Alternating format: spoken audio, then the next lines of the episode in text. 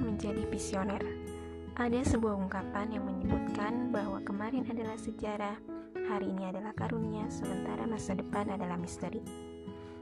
Sebagai seorang mukmin dengan iman yang produktif, akan menjelma menjadi sosok yang optimis dan visioner.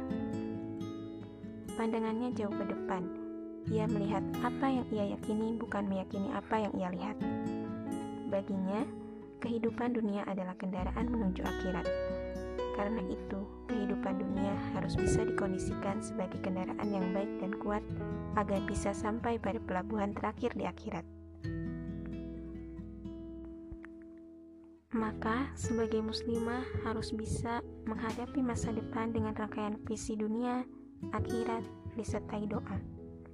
Namun bukan hanya masa depan sendiri, tapi juga masa depan umat, umat Nabi Muhammad SAW. Karena peradaban Islam adalah masa depan kita.